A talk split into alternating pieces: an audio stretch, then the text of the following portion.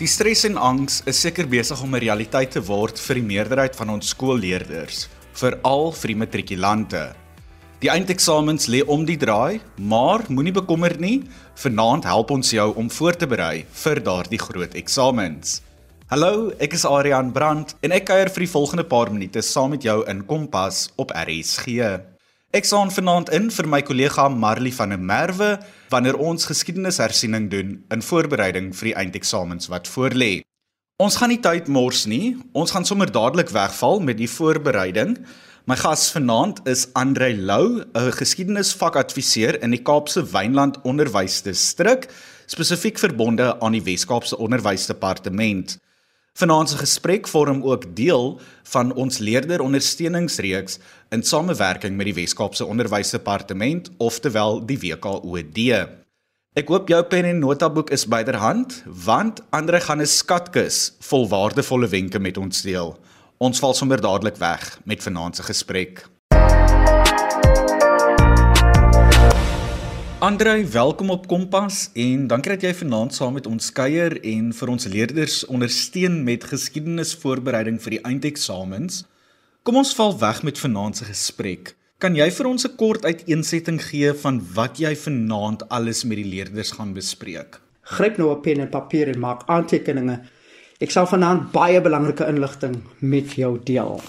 Ek sal 'n paar belangrike aspekte verduidelik wat leerders sal help met hul voorbereiding vir die finale eksamen byvoorbeeld die formaat van die twee eksamenvraestelle in geskiedenis hoe om te studeer en vra oor sommige van die uitdagende inhoud te beantwoord en nie sommige van die algemene foute te begaan wat deur leerders gemaak word nie en wanopvattinge wat leerders oor die eksamen het uit die weg te ruim. Andrei, wat is die formaat van die twee vraestelle in geskiedenis? Kan jy ook 'n paar algemene wenke aan die leerders gee ter voorbereiding vir die geskiedenis eindeksamen vraestelle? Twee eksamenvraestelle van 150 punte elk sal in die finale eksamen geskryf word.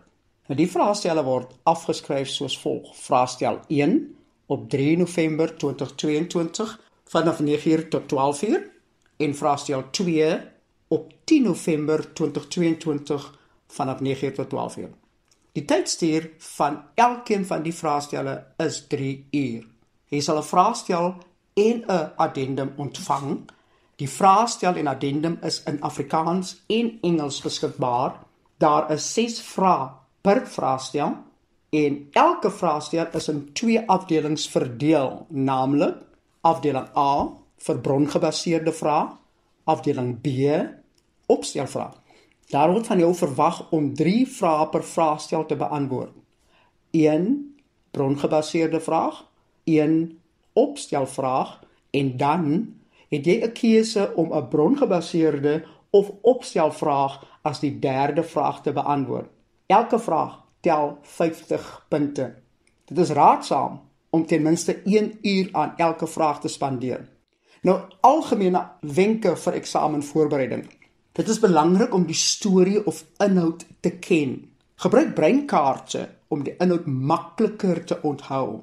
Jy moet die konsepte van die onderwerpe ken en kan verduidelik. Werk deur die bronne ter voorbereiding vir die beantwoording van brongebaseerde vrae. Ontleed die bron. Met ander woorde, waaroor gaan die bron? Is daar definisies, redes, die perspektiewe in die bron Wat sê die kontekstualisering oor die bron? Kyk ook na die verwysing onderaan die bron. Gebruik byvoorbeeld verskillende kleurpenne of highlighters om die bogenoemde te onderskei. Ken die definisies en konsepte en verduidelik dit ook in jou eie woorde. Verstaan wat jy moet doen wanneer jy gevra word om te lys, noem en volgens die bron te verwys. Die antwoorde is immers in die bron verduidelik, lewer kommentaar oor, verduidelik in jou eie woorde sodat jy jou interpretasie en begrip van die vraag of inhoud kan aandui. Merk ook relevante inhoud uit elke bron om die paragraafvraag te beantwoord en ontleed die opstelvraag.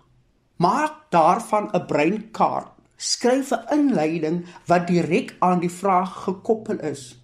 Lys nie net bloot gebeure nie, maar verduidelik die relevantie of toepaslikheid aan die vraag Met ander woorde, die argumentslyn. Skryf 'n gevolgtrekking wat aan die inleiding en die vraag gekoppel is. Nou, watter onderwerpe moet leerders vir die twee geskiedenisvraestelle leer en wat is die punte toekenning vir elk van hierdie onderwerpe? Dit is belangrik dat jy vrae beantwoord wat jy geleer het. Moenie enige vraag probeer beantwoord wat jy nie geleer het nie. Nou, elke vraestel bestaan uit twee afdelings. 'n Afdeling A wat handel oor brongebaseerde vrae en 'n afdeling B wat handel oor opstelvrae. Nou in afdeling A het jy vraag 1 en die onderwerp hier is die Koue Oorlog wat fokus op die oorsprong van die Koue Oorlog.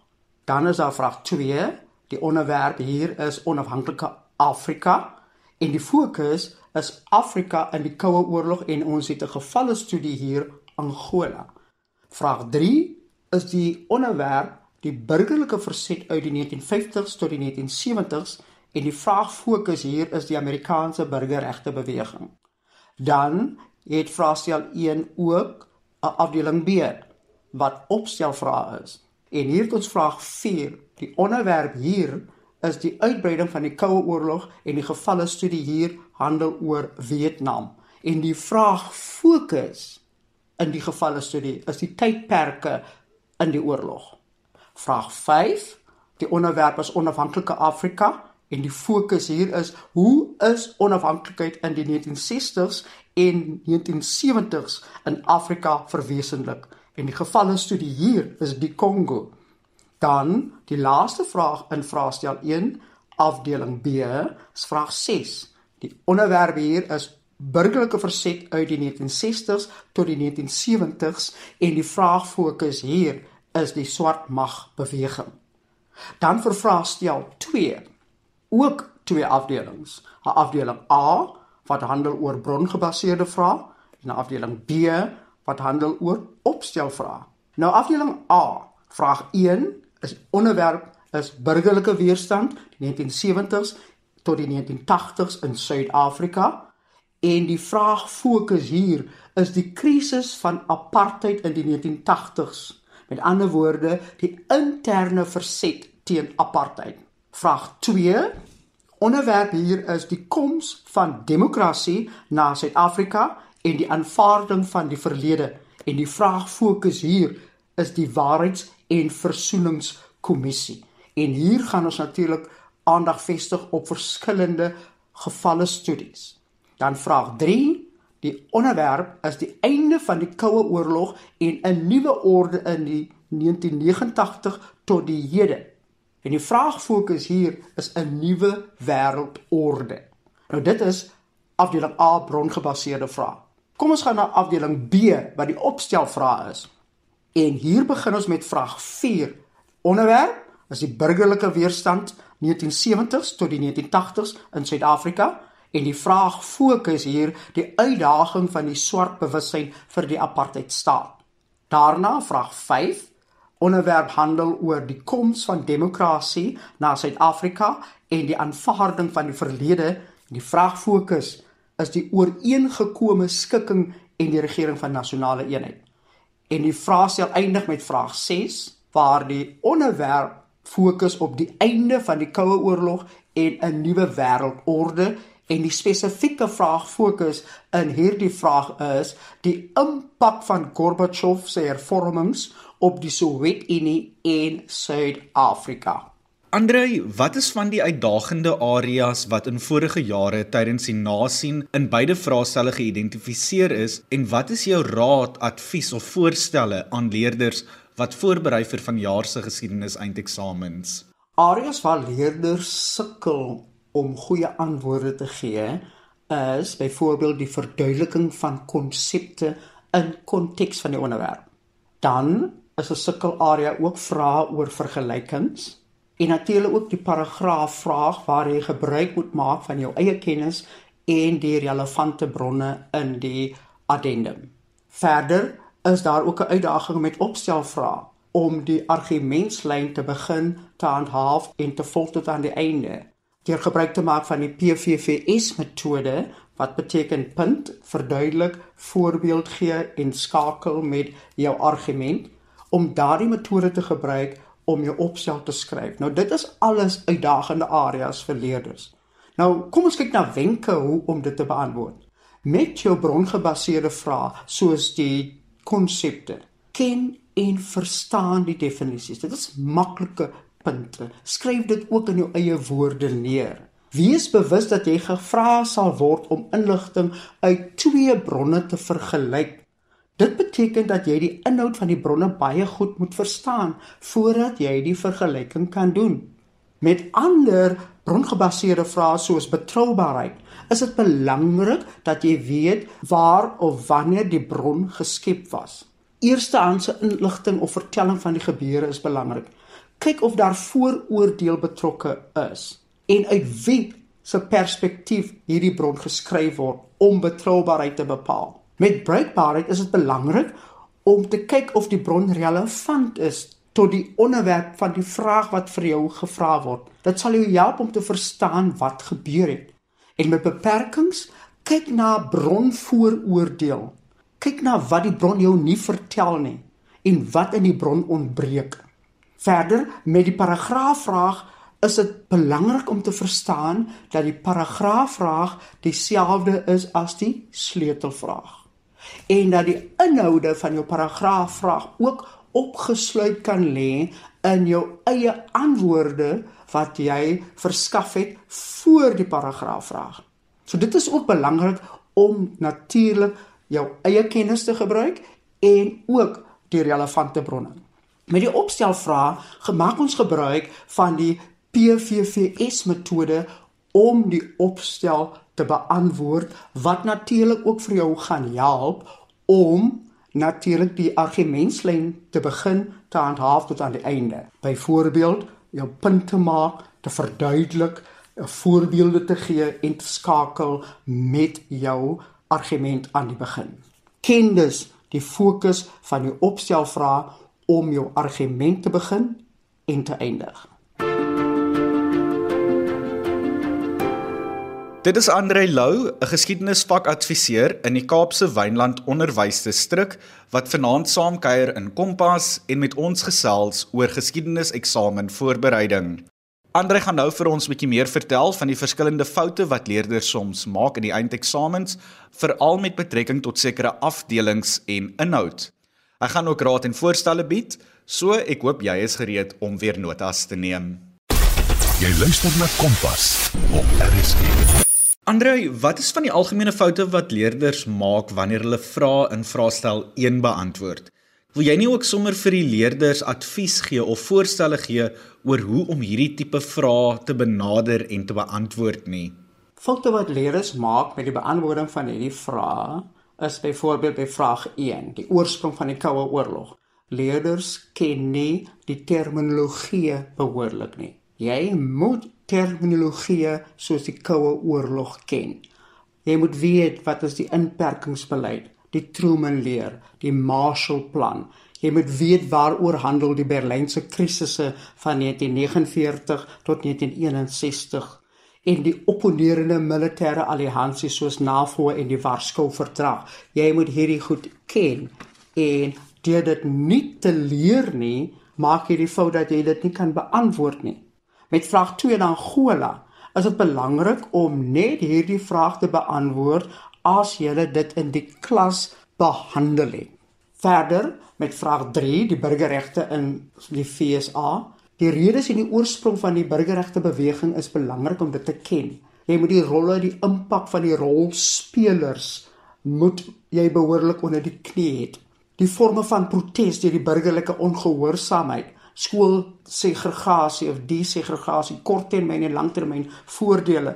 Jy moet hierdie afdelings en konsepte en gebeure ken.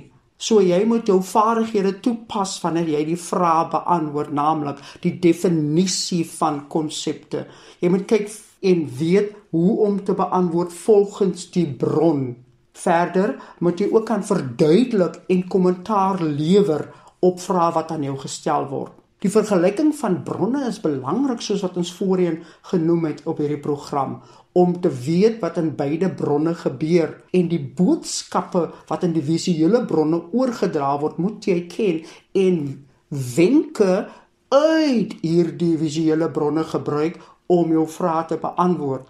Leer om die relevante antwoorde en bewyse effektief uit die bron te onttrek en belangrik reageer direk op die vraag wat vir jou gevra word. Byvoorbeeld as daar vir jou gevra word lys uit die bron beteken dit jy moet 'n lysie maak van wat gevra word vir jou. Of wat volgens die bron dit beteken jy moet redes uit die bron haal en so voort. In 'n brongebaseerde vraag is daar gewoonlik 3 geskrewe bronne en een visuele bron. Verstaan die boodskappe die simbole in verhouding tot die inhoud van die visuele bron. Baie belangrik ook is om die punte toekenning te kontroleer. Byvoorbeeld as die vraag 2 maal 2 is, beteken dit jy kry 4 punte, dan beteken dit jy moet 2 volledige antwoorde gee met voldoende inhoud. Kandidate gee dikwels net een antwoord en ontvang gevolglik net 2 punte. Gee liewer meer as wat gevra word sodat jy kan seker wees van daardie 4 punte. Verwys na die bronne en jou eie kennis in die paragraaf vraag. Dit is baie baie belangrik om na jou eie kennis te verwys en ook na die bronne. Onthou om bloot die gebeure in die paragraaf dit nie oor te skryf nie. Dit is nie 'n vaardigheid nie. Jy sal daaroor gepenaliseer word. Jy moet 'n interpretasie van die bronne gee. Daar is dikwels 'n verwarring ten opsigte van die kronologie van gebeure in 'n opstel. Leerders is geneig om die gebeure te lys in plaas daarvan om die gebeure te gebruik om 'n argument te ontwikkel. So met jou opstel skryf is dit belangrike dinge wat jy moet onthou. Daar is 3 maniere waarop die opstelle gevra word.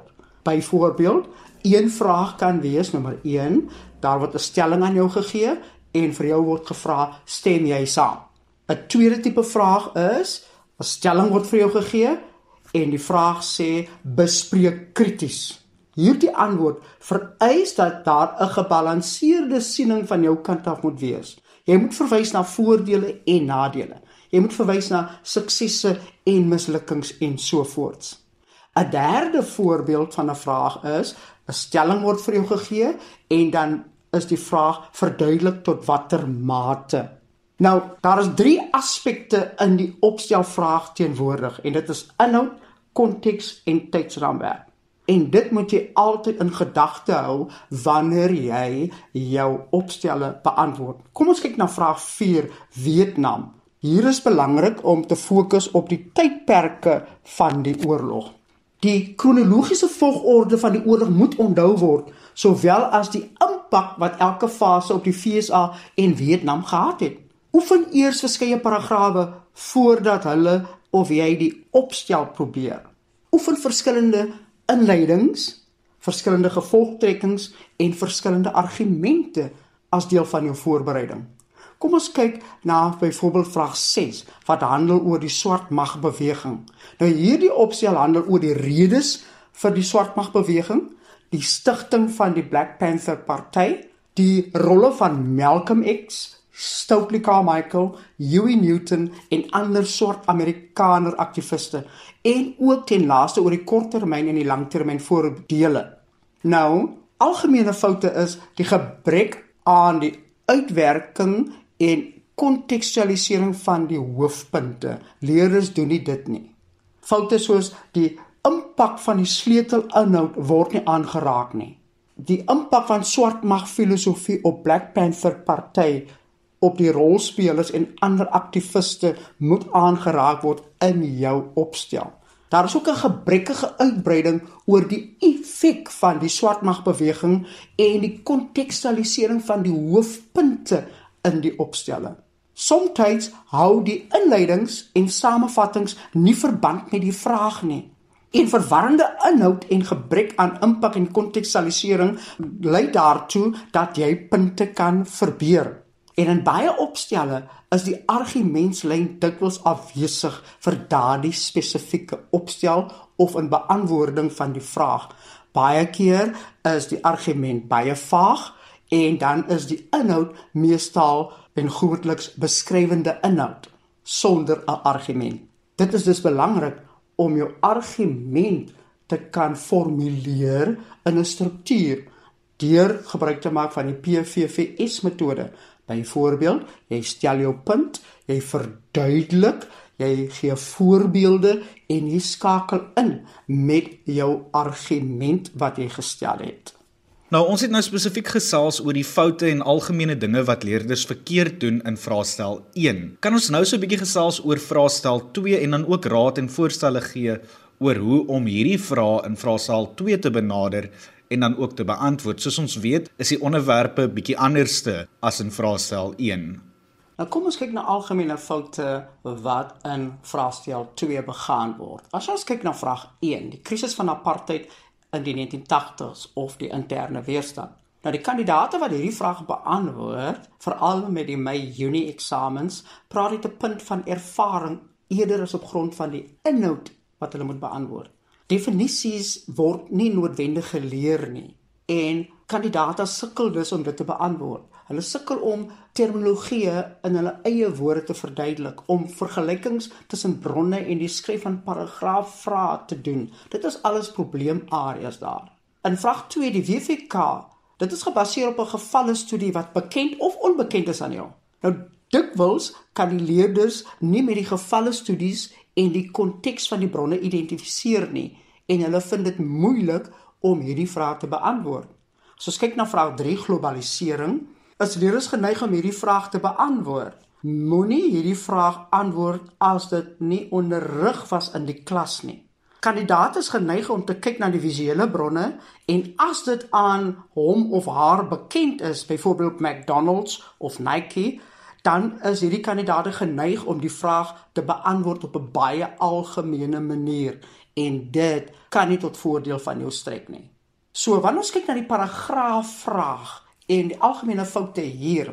Die leerders kan nie die relevante inligting as 'n antwoord uit die bronne onttrek nie. Hulle sukkel 'n bietjie daarmee. Daarby skryf hulle hulle paragraaf in puntvorm. En dit kan nie in puntvorm geskryf word nie. Dit moet 'n volledige een paragraaf wees en dit is belangrik dat dit net een paragraaf moet wees. Moet onder geen omstandighede 'n reeltjie ooplaat in die beantwoording van jou paragraaf vraag nie, want dan is dit twee paragrawe en die instruksie is baie duidelik, slegs een paragraaf. Dan is 'n algemene fout wat leerders maak is om gedeeltes uit bronne te kopieer en net so oor te skryf. Dit gaan punte verloor. Skryf die interpretasie van hierdie bronne neer. Verwys na hierdie bronne. Of sommige leerders skryf die hele bron net so oor as 'n antwoord. Dit mag nie gebeur nie. Gee jou eie kennis en 'n interpretasie van daardie bronne in jou paragraaf vraag. As ons kyk na vraag 4 wat handel oor interne verset teen hervormings in Suid-Afrika. Die inhoud van hierdie vraag word nie relevant tot die argument in hulle antwoord geskryf nie. Die inleidings en die gevolgtrekkings in die opstelle is nog steeds 'n stryd en 'n gesukkel vir baie leerders. In sommige gevalle word vorige voorbereide opstelle gebruik met die inleidings wat geensins verband hou met die betrokke vraag wat nou gevra word nie. En in sommige sentrums het die kandidaate die nasienriglyn gekry en hulle opstelle was ook in puntvorm beantwoord met selfs die memorandumpunt enige ander relevante antwoord. Nou dit moenie gebeur in die beantwoording van jou opstel nie. As ons kyk na vraag 5, die weg na demokrasie, dit is 'n baie gewilde opstelvraag. Nou baie leerders is egter geneig om 'n antwoorde op vorige vrae te baseer. Nou sommige voorbereide opstelle is gebaseer op vorige vrae wat problematies is, want dan leer jy 'n voorbereide vraag wat nie die vraag of die kernvraag wat voor jou staan beantwoord nie. Hierdie vraag raak ook nogal moeilik vir die meeste leerders om te beantwoord aangesien die argument en die manier waarop die inhoud geskryf word geïmpliseer word. So dit is ook 'n uitdaging vir leerders. Kom ons kyk na vraag 6, die einde van die Koue Oorlog. Nou baie kandidate bestee te veel tyd aan die agtergrondsinligting om die vraag te beantwoord. Hulle skryf ellelange paragrawe oor glasnost en perestroika terwyl dit net agtergrondinligting is waaroor jy net een of twee reëls kan skryf. Sommige kandidaate het ook voorbereide antwoorde aangebied wat gebaseer was op vorige vrae en dit is 'n algemene fout. Ander kandidate het glad nie probeer om die sleutelvraag te beantwoord nie. En dan vergeet kandidate ook heeltemal om die impak van die val van die Berlynse muur op Suid-Afrika te verduidelik, want die vraag handel egter oor Suid-Afrika. So die impak en die effek op Suid-Afrika is die kerngedeelte van die vraag. So jy moet skryf oor die impak op die ANC, op die nasionale party regering, die impak op die westerse wêreld en hoe hulle Suid-Afrika beïnvloed het. Dit is die kern en die fokus van hierdie vraag. Andre, die tyd het ons gevang en ons moet groet, maar ten slotte, het jy enige laaste wenke, raad, voorstelle, advies wat jy dalk net sommer met die leerders wil deel? Besluit oor die onderwerpe wat jy wil doen en leer al die inhoud asseblief. Moenie gedeeltes leer en ander gedeeltes ignoreer nie. Maak seker dat jy weet watter onderwerpe om vir vraestel 1 en vir vraestel 2 te leer. Ken die fokus van elke vraag. Lees die vrae aandagtig deur en onderstreep sleutelwoorde in jou opstel, naamlik inhoudsfokus, konteks, tydsraamwerke. Byvoorbeeld, tydperke van die oorlog, die stryd tussen die vegtende partye, suksesse van die Vietcong, die mislukking van die FSA en so voort. Probeer om al die bronsgebaseerde vrae in die onderwerp wat jy gekies het te beantwoord. Leerders, die beste wense met julle voorbereiding. Onthou, lewer net jou beste. Jy het dit. Maak gebruik van vorige vraestelle, die weeklikse WKOD lesse, telematika en televisieuitsendings, WKOD hersieningsmateriaal en ander hulpbronne om deeglik vir die eksamen voor te berei. Dit aan Andre Lou, die geskiedenisvakadviseur by die Kaapse Wynland Onderwysdistrik wat vanaand saamgekuier het in Kompas en met ons geskiedeniswenke gedeel het in voorbereiding vir die eindeksamens wat binnekort voorlê. Soos Andre genoem het, gaan jy vraestel 1 aflê op 3 November en vraestel 2 op 10 November. Dit is sommer om die draai. Ek hoop jou geskiedenisvoorbereiding gaan goed en dat jy nou goed gekonfyt is vir wat gaan voorkom in die vraestelle. Dit was ook dan al waarvoor ons vanaand tyd gehad het in die program. Onthou jy kan weer daarna gaan luister en sommer die program gaan potgooi vanaf die RSG webwerf rsg.co.za. Klik dan op die potgooi skakel en soek dan onder die kompas potgoeie. Vanaand se program sal daar te vind wees. Jy kan die program aflaai of sommer net weer daarna gaan luister. Alle sterkte vir die geskiedenisvraesal wat voorlê. Ek weet dis bietjie minder as 'n maand.